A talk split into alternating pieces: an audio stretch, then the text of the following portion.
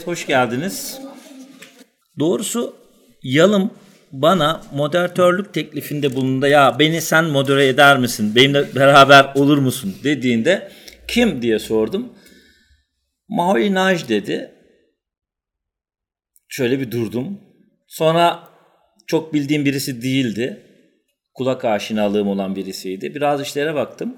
Sevgili Yalım'la beraber çalışma yaparken de doğrusu çok zor bir tercih yaptığını, e, fotoğrafçı okumaları içerisinde belki de bugüne kadarki en zor tercihlerden bir tanesini yaptığına tanık oldum. Bugün sanıyorum ilk defa bir fotoğrafçının bu kadar çok az işine bakıp onun yapma etme halleri üzerine bu kadar çok konuşacağız. Ee, belki önceden altını çizmek gerekiyor. Bugün Naja gelene kadar aslında onu var eden ortama, coğrafyaya, politik koşullara ve e, Bauhaus okuluna bakma ihtiyacı duyacağız.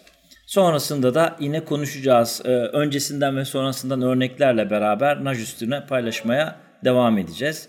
Çünkü bakacağımız kişi çok yönlü birisi. Sadece fotoğrafla ilgilenen birisi değil. Çok fazla disiplinle ilgileniyor.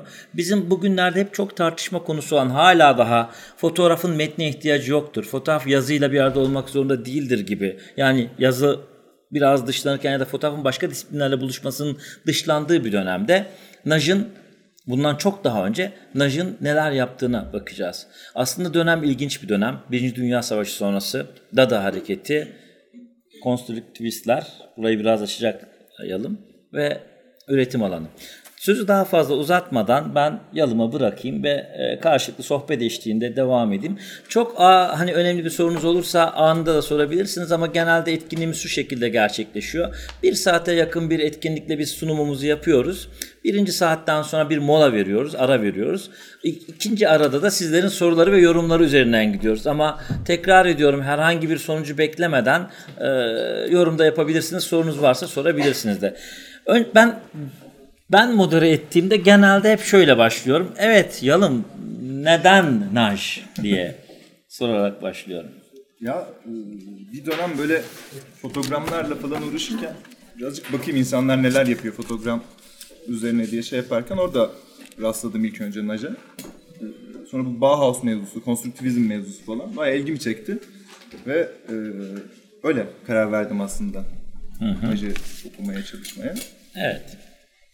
Ya direkt Naj'a girmeden önce şöyle bir e, genel olarak nasıl işleyeceğimi yani hani nasıl bir güzergahta gideceğimi söyle, anlatayım.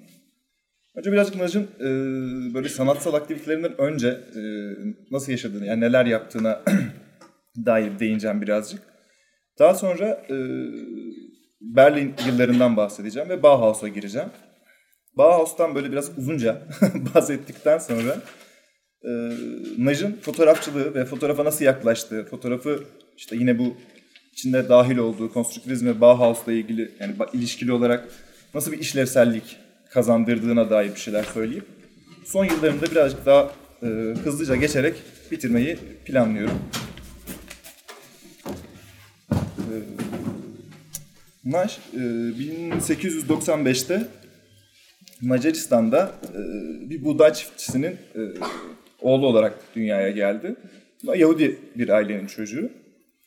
Ee, asıl adı Laszlo Weiss. Lakin babası onları terk ettikten sonra e, aileye böyle destek olan annesinin arkadaşı Hristiyan bir avukat e, adamın soyadını alıyor. Yani Nigel onun soyadı aslında yani kendi soyadı Weiss. E, daha sonra da büyüdüğü köy olan, kasaba olan e, bugün Sırbistan'da ama o gün e, Macaristan'da olan bir kasabanın adı yani Mohol kasabanın adı. E, onu da ekliyor soyadına. E, Sizeget diye bir şehri var Macaristan'ın. Orada liseye gidiyor ve liseden sonra da hukuk, hukuk okumak üzere Budapeşte'ye gidiyor. E, Budapeşte Üniversitesi'ne kaydoluyor. E, bu döneme kadar ilgisini edebiyat çekiyor ve e, 13 yaşından itibaren ki bence çok küçük bir yaş bu şey için. Yenilikçi ve küçük dergilerde şiirleri ve öyküleri e, yayınlanıyor. 1914 yılında e, Avusturya Macaristan ordusuna çağrılıyor Birinci Dünya Savaşı'nda. Ve e, oradaki Rusya savaş bölgesine gönderiliyor. İşte bu döneme e, denk düşüyor aslında ilk e, resim çalışmaları. O dönemde savaş bunalımını atlatması için e, yattığı bir seyyar hastanede başlıyor çalışmaya. Bu da benim şey ilgimi çekti. Yani bu 19 yaş. Gerçi ben hani 30 yaşına gelip hala askere gitmediğim için bana birazcık garip gelmiş de olabilir. Normalde çünkü bizim memlekette de şey. 19 yaşında yani böyle küçük bir yaşta Birinci Dünya Savaşı gibi bir yani büyük bir savaşın içinde yani bir cephesinde bulunuyor olması bence dikkate değer bir nokta yani. Daha sonra da 1917 yılında yine Birinci Dünya Savaşı'nda ağır yaralanıyor. Ee, bu iyileşme sürecince süresinde önce Odessa'da sonra Szeget'te e, şeyler yapıyor. Sulu ve yağlı boyalarla şey yine portreler, resimler yapıyor. Ve aynı yıl e, dört arkadaşıyla beraber e, daha sonra e, 1920'lerde 24'te e, yazdığı bir mektupta da söyleyeceği gibi yani bu onun sanatsal ve entelektüel birikimine ciddi katkısı olan bir grup kuruyorlar. E, Ma diye. Burada da işte bu, tam da bu. E, bir aktivist bir grup aynı zamanda. Sadece bir dergi çevresi gibi de değil yani. Ama çok da sürmüyor aslında bu insanlarla şeyi. Bu ilişkisi. dönemde e, şeyde Avrupa'da özellikle bu tür oluşumlar e, hep bir dergi çevresinde, bir dernek çevresinde ya da işte bir kulüp çevresinde gerçekleşiyor. E, bayağı bir fırtınalı yıllar, savaş evet. sonrası yılları. Evet, ee, ve şey, Avrupa bir dönüşümden ortam. geçiyor. Aslında biliyorsunuz her savaş sonrası e, sanatın özellikle bir takım değiştiği bir döneme denk geliyor ve avantgard özelliklerini sanat genelde bu tür büyük toplumsal travmalardan sonra ortaya çıkarıyor. Bu da onun bir başlangıcı gibi sanki. Ee, aynı zamanda tabii bu dönemde e, tekrar hukuk diplomasını da alıyor. Fakat hukukla ilgili herhangi bir şey yapmıyor. Yani genelde e, yani resim yapmaya devam ediyor. Ya bu 1918 yılında inancını değiştiriyor. Normalde Yahudiyken Kalvinizm diye bir e, Hristiyanlığın bir e, şeyine geçiyor, mezhebine geçiyor. Fakat bu ilginç bir mezhep. Birazdan anlatacağım onu da. E, 16. yüzyıl başlarında ortaya çıkan gele, e, gelenekçi din anlayışının karşısına durup eğitimde daha böyle bilimsel e, bir şeyi, gelişmelere dayalı bir eğitimi savunan bir inanç. E, dürüstlük, çalışkanlık e, yani önemsiyorlar. Aynı zamanda e, lüks yaşam, süslü elbiseler, mücevher kullanımı, sarhoş olmak ve dans etmek gibi şeyleri e, günah varsayıyorlar. E, Çok iç açıcı bir mezhep değil. Değil yani. aslında evet biraz karanlık ve asıl bence böyle ilginç ve e, Naj'ın, benim anladığım Naj'ın, benim sevdiğim Naj'ın böyle bir şeyin içine dahil olmamalı falan dediğim kısmına geliyorum. Bu inanca göre insanlar iki türlü yaratılıyor. Kurtuluş için seçilmiş olanlar ve se- şey lanetli olanlar. Bu seçilmiş olan kişiler e, iş hayatında başarılı olanlar, fakir olanlarsa şey lanetli kişiler oluyor ve bu insanlar seçilmemiş insanlar oluyor. Yani Wikipedia işte bu inanç için şey diyor yani kapitalizmin de e, temelini atan inançtır diyor yani. Ee, şey geçelim mi hocam? Olsun yani.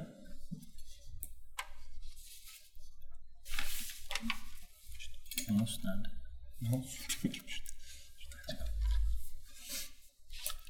Ee, bu dönemde e, Rusların çalışmalarıyla, konstruktivizmle e, tanışıyor. Özellikle bu akımdan e, Malevich ve Lisitsky, burada resimlerini gördüğümüz insanlardan çokça etkileniyor. Burada tam burada işte biraz konstruktivizmi yani Türkçe'ye inşacılık olarak ya da yapımcılık olarak falan da şey ama inşacılık bence birazcık daha böyle karşılıyor gibi geliyor bana.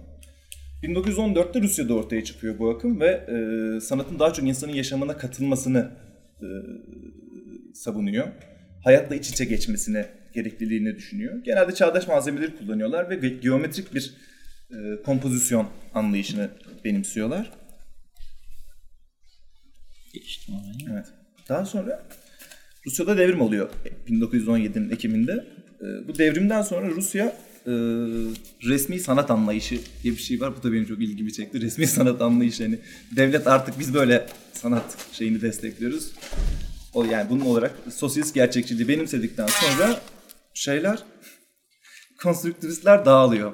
Batıya doğru yani Avrupa'ya doğru dağılmaya başlıyorlar. Ve bu dönemde e, Budapeşte geçirdiği 5 savaş yılından e, dolayı Batı'dan birazcık kopuyor ve e, yeni sanatçıların resimleri falan olmuyor ve hani e, yani yok gelmiyor Budapeşte'ye ve bu da Ma grubu olarak şeylerin Najdar'ın ekibinin e, ekibi bundan rahatsız oldu ve 1919 yılında şeye karar Yani kendi e, sanatsal vizyonlarına daha yakın, daha teşvik edici bir ortamda bulunmak için Viyana'ya e, taşınıyorlar.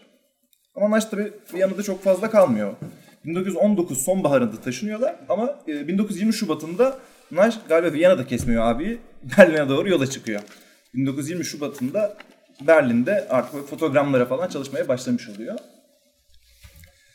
Ee, evet burada fotogram hocam. Küçük.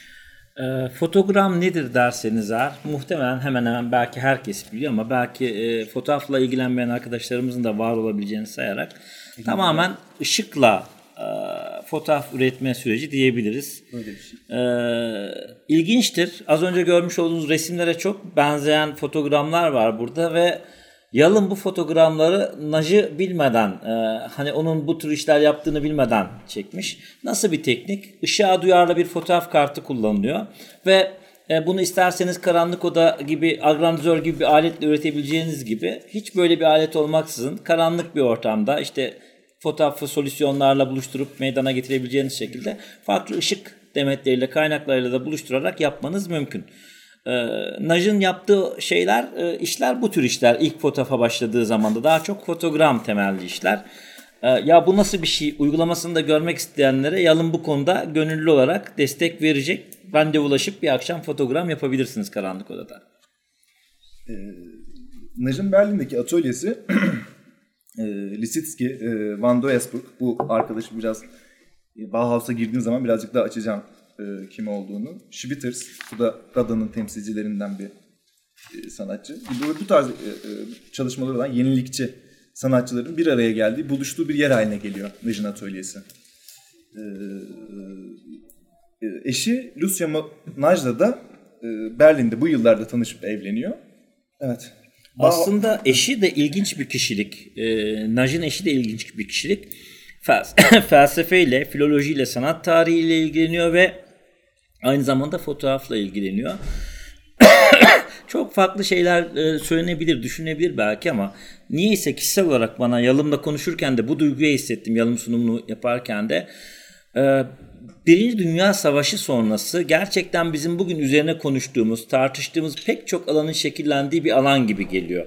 Yani bugün hala bakmayın siz birileri fotoğrafın kendi başına olmaklığından, kendi başına her şeyi yetmekliğinden bahsedebilir ama daha o zamanlarda Birinci Dünya Savaşı'ndan sonra hemen sonrasında Dada'yla, işte e, Naj'la, e, Bauhaus okuluyla çoklu disiplinler üzerinden üretimler var zaten. Bugün aslında biz bir şey yeniden keşfetmiyoruz.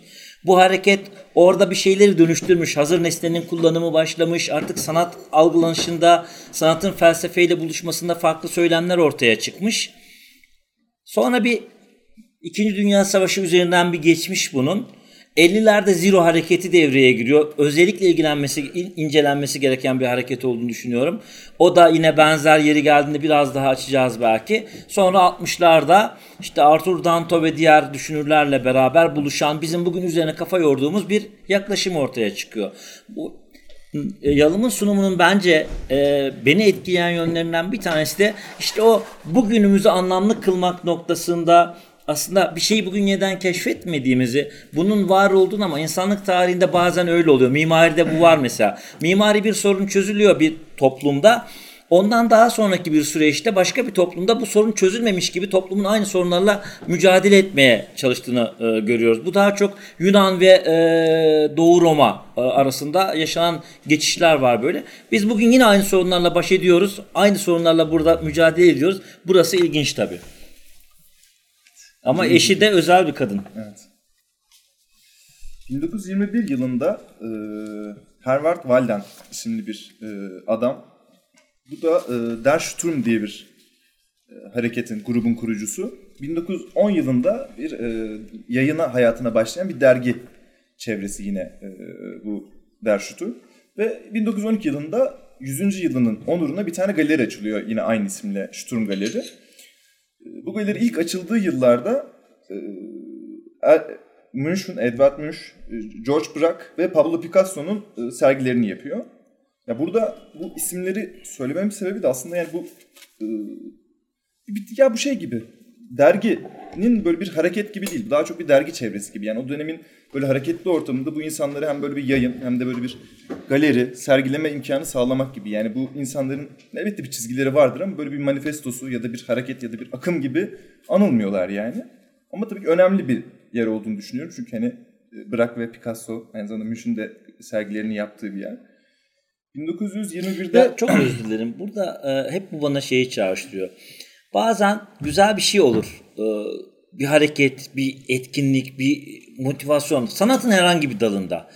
Buna neden olan şey bazen bir dergidir. Bazen bir mekandır.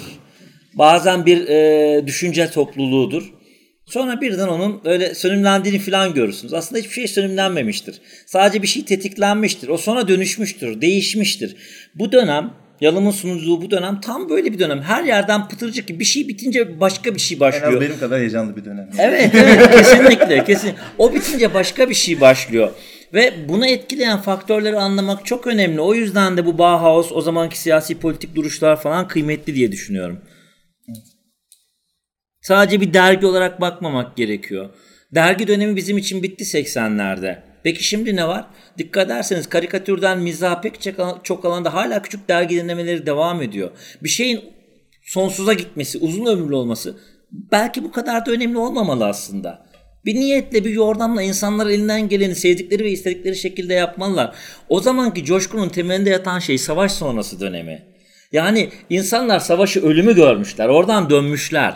Artık daha kötüsü yok. Ve onun umarsızlığında daha özgür bakabiliyorlar. Daha farklı bakabiliyorlar yaşama. Bu bütün bakma eylemimizin merkezinde belki altına birazcık da bunu hani tuz olarak ekebiliriz ama şöyle değil. Yani şöyle. Evet, bu e, galerideki sergi e, Naca muhtemelen Almanya şeyinde düzeyinde bir e, görünürlük kazandırıyor. Belki de hani Bauhaus'a giden yolunu bu sergi açıyor. 1922 yılında daha önce Ma grubunu beraber kurduğu e, Ludwig Kasak isimli bir e, Bunlar muhtemelen böyle telaffuz edilmiyor ama yani. Çünkü ma- Macarcam olmadığı için böyle gayet yazıldığı gibi okuyorum ee, ben yani. Siz, ha biz, biz Yalın'la bir şey söylemeyi unuttuk size. Şu fesli adam var ya ona kalsa da Maholi hani Shakespeare Şehpir var ya ona kalsa Mah, Maholi Naş Mahmut Naci'ymiş. Aslında. Öyle diyorlar. Öyle bir şey. Evet. Modern Sanat Kitabı. Modern Sanat Kitabı isimli bir kitap çıkarıyorlar ve bu kitap kitabın editörlüğünü yapıyor. Naj e, ve belki daha onun için bir dönüm noktası olan e, dadacılar, dadacılar ve konstrüktivistlerin Weimar'daki buluşmasına gidiyor. Ve o buluşmada Gropius'la tanışıyor. Walter Gropius. Bu buluşma çok önemli bence. Bu abi bu arada. Evet Gropius denilen adam şunu bir görün çok bundan sonra anılacak zaten. Anılmayı hak eden bir bakış var. Ee, Yalımaz sonra girecek ayrıntılı hani Weimar'da buluşma. Sıradan bir kentte buluşma değil aslında. Dadacılarla buluşma da sıradan bir buluşma değil. Az sonra işlerde göreceğiz. Ya bu Weimar kenti e, yani sadece bir de Weimar Cumhuriyeti olarak alınan bir dönem de var ama Weimar kent olarak da e, hani sıradan bir kent değil. 18. ve 19. yüzyılda e, Almanya'nın bir entelektüel bir çekim merkezi bu Weimar.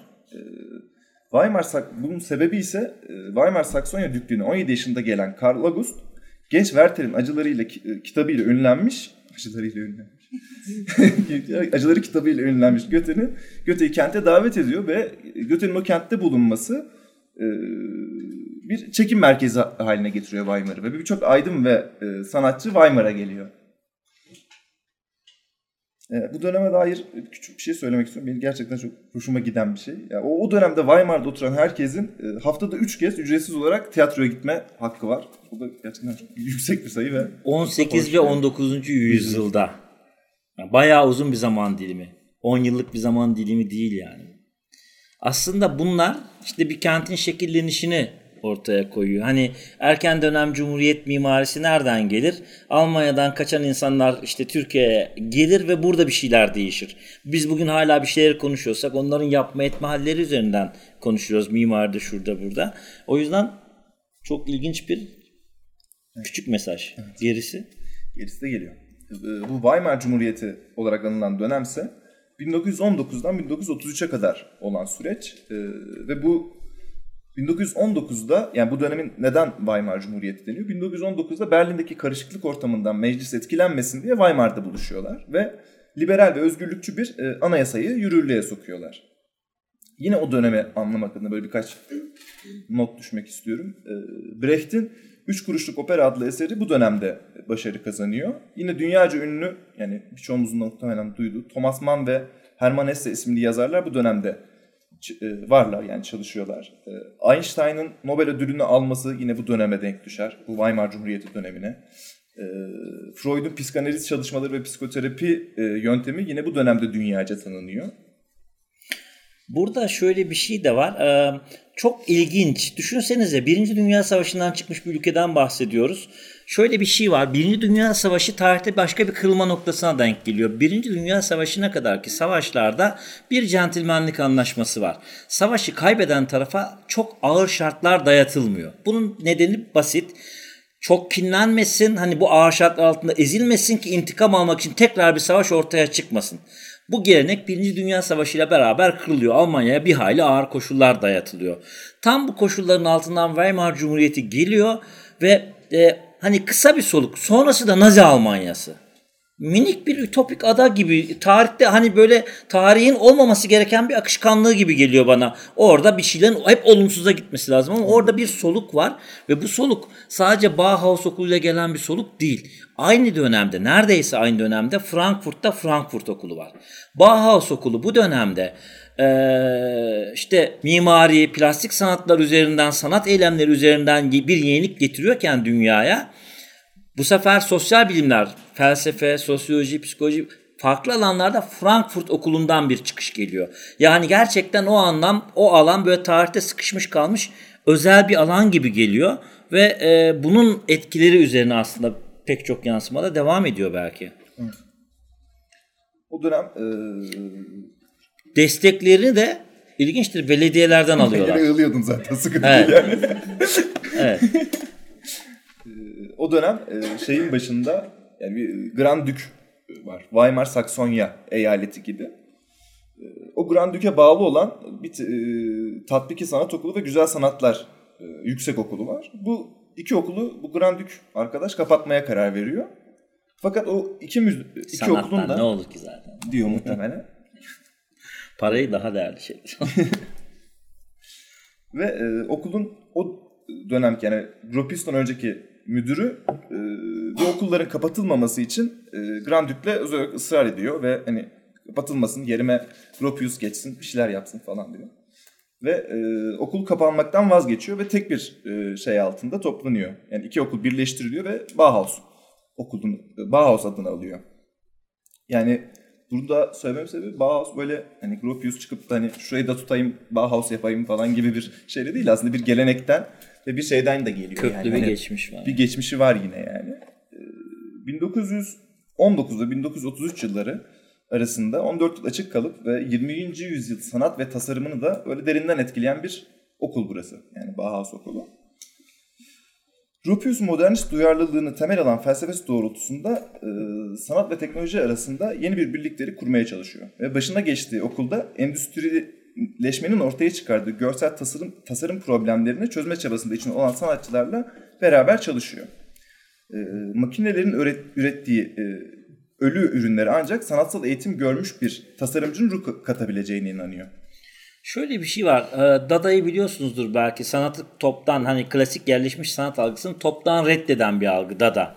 Yani sanat dediğin şey bu kadar ulvi olsaydı, bu kadar erdemli, e, insanlık yararına lehine bir takım yeni bir dünya aura yaratabilseydi bu büyük o zamanki adı büyük savaş. Birinci Dünya Savaşı değil. Böyle bir savaş olmazdı. Lanet olsun böyle sanat algısına deyip her şeyi kökten reddeden bir yapı var. Bu yapının yanında Bauhaus okulu başka bir yaklaşımla çıkıyor.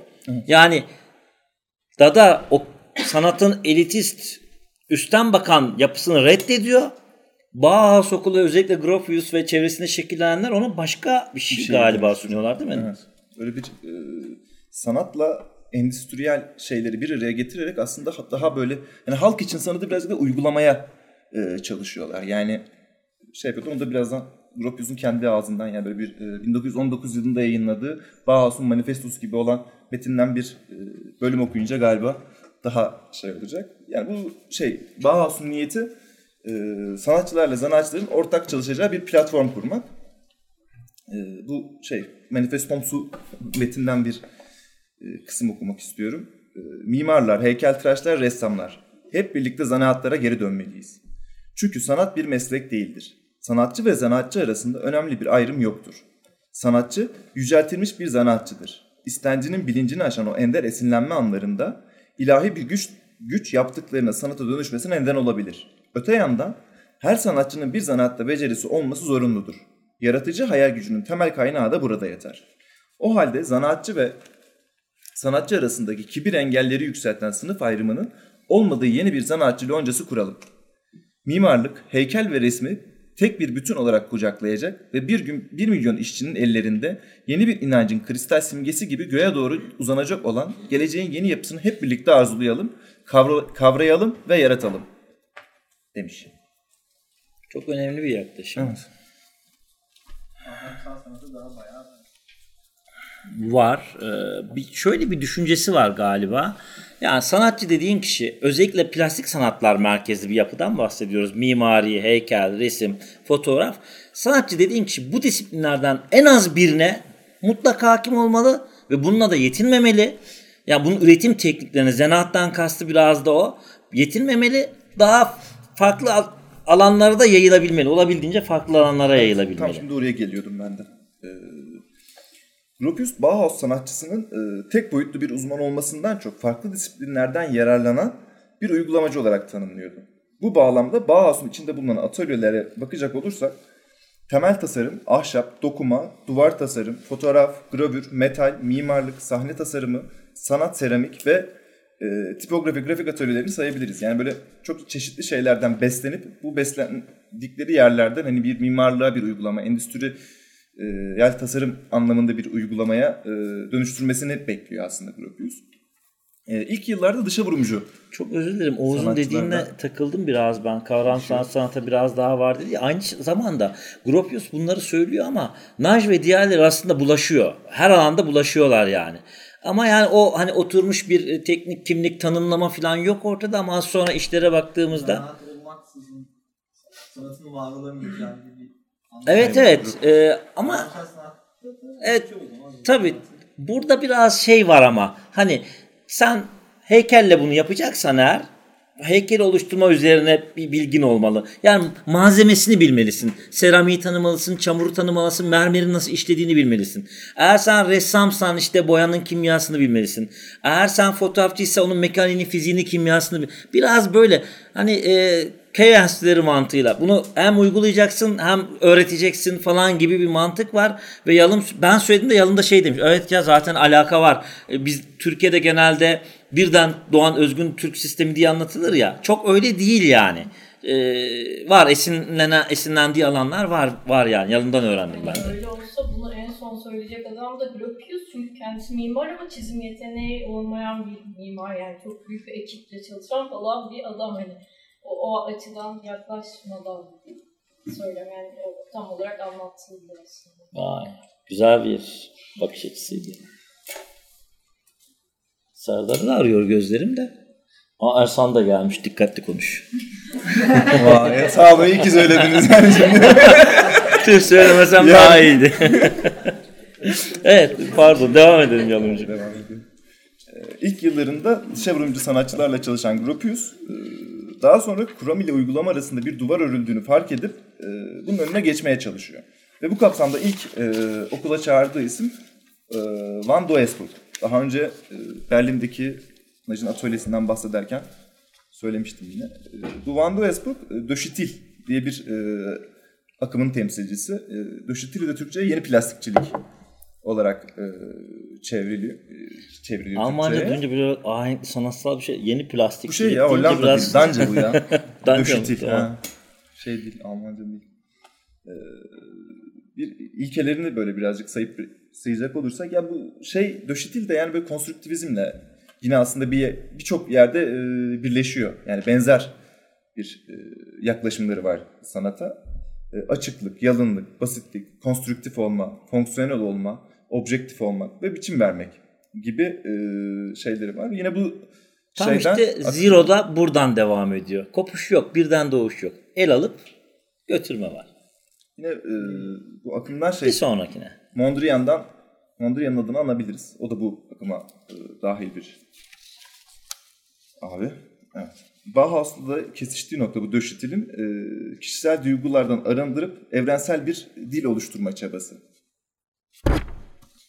O dönem e, temel tasarım derslerini veren e, Johannes Itten yani bu dışa vurumcu şey. Okuldaki güçlü etkisinden rahatsız olmasına rağmen bu Van Deosburg yine de e, okulda yani okulun o özgürlük böyle konuşma, sohbet ortamı falan hoşuna gidiyor ve e, Bauhaus'ta kalmaya karar veriyor ve devam ediyor.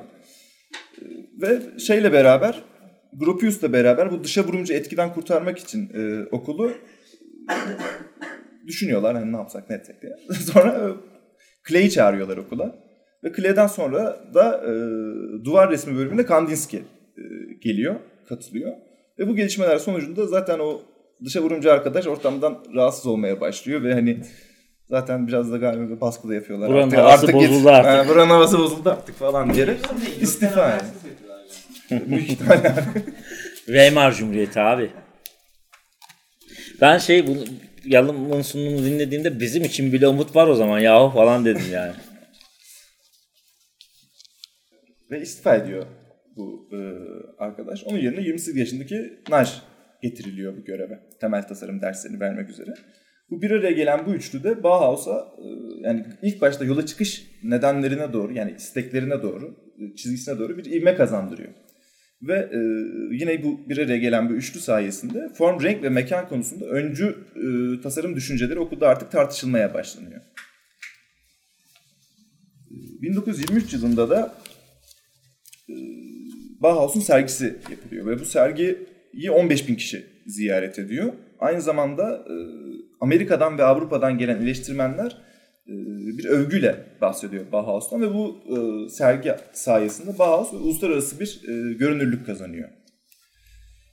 Yine bu yıllarda e, yerel yönetime gelen sağcı bir e, parti şeyi sıkıştırmaya başlıyor.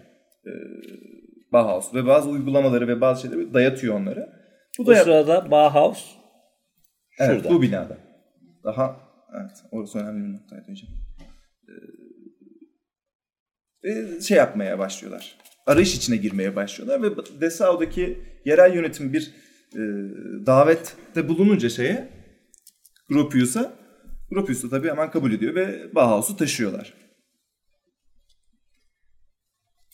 Burada şeyi görsek gibi. yeni binayı diyorsun değil yeni mi? binayı göstermek istiyorum. Çünkü bu e, yeni bina hakikaten e, onların kendi tasarım iddialarıyla böyle örtüşen bir bina olduğu için gayet de hoşlarına da gidiyor bu durum. Şu inşa halinde daha devam ediyor inşaatı. Sonra artık genelde araştıranların pek çoğunun kullandığı görselleri de şurada sırasıyla gelsin değil mi? Ve bu dönem aslında Bauhaus için de bir ikinci dönem. Daha böyle e, bir şeylerin artık hani Naj geldi, işte Klee geldi, Kandinsky geldi. Birazcık daha böyle mekan olarak da daha Ya e, şey şimdi yaptılar. Umut burada olsaydı herhalde bize çok şey söylerdi e, bu konuda. E, ben Yalıma dedim ki Umut gelirse destek alırız da Umut gelirse işimiz de zorlaşır aynı zamanda. dedim. Gelmedi. işimiz kolaylaştı. E, Yani şey e, bir mekanın düşünceyle bir mekanın o mekanı yaratan ruhla alakası konusunda Bauhaus okulunun bir rol model olduğunu söyler bazı arkadaşlar. Bu, bu değil tabii. Bu bayrak değil. Şu, Bauhaus şeyin sonu. Evet. Evet. Üzüldükleri zaman. Ee, Evet, bu Bauhaus'un için yeni bir dönem başlıyor ve mesela daha önceden e, her atölyenin başında iki tane insan bulunuyor. Bir sanatçı, bir zanaatçı. Ve artık hani böyle bir kendi şeylerini de devam ettirebilecek bir kadroyu yetiştirdikleri için bu okulda artık e, tek bir eğitmen bulunuyor ama bu eğitmen hem sanata hem de zanaata gayet e, hakim e, insanlar oluyor. Çok zeki bir yaklaşım. Ee, sanatçıyı zanaatın incelikleriyle e, yetiştiriyor sanatçı eğitmenini. Bu olduktan sonra artık düşünsenize hem zanaatçının işlerini bilen hem de sanatı bilen bir eğitmeniniz var. Yani hem fiziğin, kimyanın sınırlarını zorlayabileceksiniz. Hem de yaratıcı tasarım devreye sokabileceksiniz. E sonrasında zaten pek çok şey değişiyor. İşte bu dönemde tipografi ve grafik tasarım e, atölyesi de bu dönemde kuruluyor. Bauhaus'ta ve e, Bauhaus kitapları yayınlanıyor. E, bu e, kitapların tasarımını da e, Naje yapıyor. Bu kitaplardan reklamcılık, tipografiden sergi tasarımı bütün çalışma alanlarında e, ve modern grafik tasarım anlayışına yön veren bir stil ortaya çıkıyor. E, bu önemli bir şey bence. Yani ne kadar böyle e, işte hani döşitil akımından birisi gelse ve hani o akımı da e, katsa. Aynı zamanda Naj e, konstrüktivist bir adam. İşte onun bir yaklaşımı var. Ama hiçbir e, yani Bauhaus genel olarak hiçbir böyle modernist bir akımı alıp aynen kopya etmiyor. Yani bu e, akımları analiz ederek bu akımların ilkelerini kendi tasarım yani analiz ederek bir şeyde eritiyor ve kendi tasarım problemlerine uygulamaya çalışıyorlar. Sürekli sorgulayan, araştıran, doğrudan almayan bir yapı var. Şu fotoğrafla da ilgili. Ha, bu fotoğrafla ilgili de şey Yarınla biz buraya gitmeyi düşünüyoruz da. Bu bina şey Dessau'da inşa edilen Bauhaus Okulu'na yakın bir yerde ve e, ustalara evler diye yapılan evlerden bir tanesi. Ya tam hatırlayayım ya Gropius'un evi ya da Klen'in evi. İkisinden birine yapılan bir ev. Şu anda da günümüzde şey bir rezidans. Yani e, mesela Ekim'de son başvurusu vardı da tabii İngilizce. Biz kaçırdık öbür Ekim'e gideceğiz. Öbür, öbür Ekim'e gidiyoruz Bauhaus'taki rezidansa. Rezidans olarak çalışıyor yani burası şu anda. Şu bir toparlayacak olursak da e, Bauhaus'la ilgili şeyi. E, mimari, ürün tasarımını ve görsel iletişimi derinden etkileyen modern tutarlı bir tasarım stilini yaşar, e, yaratmayı başarmış. Geliştirdiği eğitim ve öğretim yöntemleri yöntemleriyle görsel sanatçıların kuramsal altyapısına büyük bir katkı sunmuştur. E, Bauhaus'la beraber görsel sanatlar eğitiminde modernist yaklaşımın temelleri atılmış, güzel sanatlarla endüstriyel sanatlar arasındaki sınırlar kaldırılmıştı. Ve bir sosyal değişim, kültürel yenilenme aracı olan sanatın tasarım yoluyla hayata geçirilmesi hedeflenmişti. Burada belki hani çok iddialı konuşmadan şu tasarımın aslında bundan sonra biraz daha tasarım kavramının hani sen Ortaya. diyordun ya Yalım'ın bir düşüncesi var ben ondan çalmak istemiyorum ama yorum bu emin de değiliz ama bence söyleyebilirsin. Ya bundan öncesinde e, ya elbette bir mimarlık falan var ama tasarım kelimesi mesela ben burada sürekli tasarım tasarım tasarım diyorum ama mesela acaba yani Bauhaus'tan önce tasarım diye bir şey var mıydı yani hani böyle bir e, bir oturma şeyini ya da bir sehpayı tasarlamak gibi ya da bunun üzerine gerçekten kafa yorulan bir şey miydi yani? Hani en başta şey diyor çünkü Gropius'un mesela Bauhaus'la ilgili olarak yani seri üretimin ruhsuz e, ölü tasarımlarına hani ruh katacak olan kişi sanatsal eğitimden geçmiş bir insandı diyor. Yani belki de tasarım kavramı, tasarım mevzusu aslında hani tam olarak belki Bauhaus keşfetmemiş olabilir bunu ama dünyada böyle duyulmasına ve bunun önemsenmesine ciddi anlamda katkı sağlamıştır yani ondan eminiz. Ondan sonra Ikea geliyor zaten. Evet, onu ikiye atıyorum. Seri üretim olduğu anda tasarımcı olmak durumunda çünkü yani, yani şey bir ürün Ezgi'cim biraz daha üst perdeden konuşur musun? Çünkü şey- çok güzel bir şey söylüyorsun şu anda herkes duysun Yok, istiyorum. Sadece şey ya, düşünerek söylüyorum çok tarihi bir video olmayacak ama hani bir kalıp olmadan ürün olmayacak bir ürün olmadan da kalıp yani bir, bir ürün yokken bir ürünün kalıbı olamaz. Tavuk yumurta diyorsun yani. Yani o muhakkak seri üretim varsa bir onu tasarlayan biri olmak. Aslında tasarım hep var ama bu ya Ekol olarak evet. O henüz başka bir ekol doğmamış olabilir ama tasarım o zaman da vardı. Evet. Ara mı versin fotoğraflarına girmeden önce? Şöyle yapalım. Ee, Evet. e, Artık e, sonuna doğru da geliyoruz sunumun. Şimdi buraya kadar çok şeyden bahsettik. Bauhaus'tan bahsettik falan ama bir zorunluluktu. Naj'ı ortaya çıkaran yapı nasıl bir yapıydı? Politik yapı nasıl? dü- Dünya neredeydi o zaman? Buna bakma ihtiyacı vardı. Bundan sonra baktığımız işte yani klasik fotoğraflar olmayacak. O yüzden bir temiz havayla buna bakalım. Bir rahatlayalım. Şey bir 10 dakika ara verelim. Hem yalın bir soluklansın, bir nefeslensin. Sonrasında devam edelim.